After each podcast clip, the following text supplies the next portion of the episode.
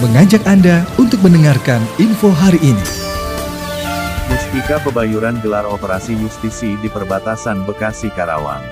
Muspika Kecamatan Pebayuran menggelar operasi justisi dalam rangka penegakan protokol kesehatan prokes untuk para pengguna jalan.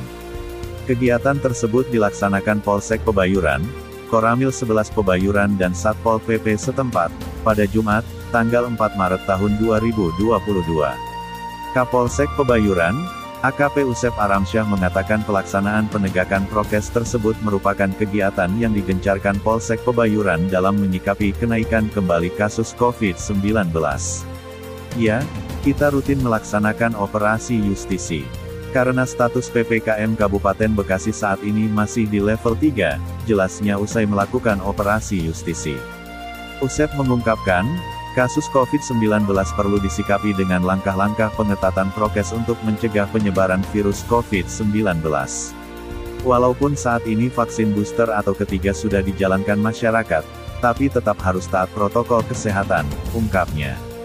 Dia melanjutkan ada beberapa titik yang menjadi pusat keramaian dan lalu lintas kendaraan yang dijadikan sebagai sasaran operasi justisi pembagian masker bagi pengguna jalan. Yang utama, kami membagikan masker kepada para pengguna jalan di depan Mako Polsek, kemudian di pertigaan Desa Sumbersari, karena di situ ada pusat keramaian seperti minimarket sehingga sering terjadi kerumunan, terangnya.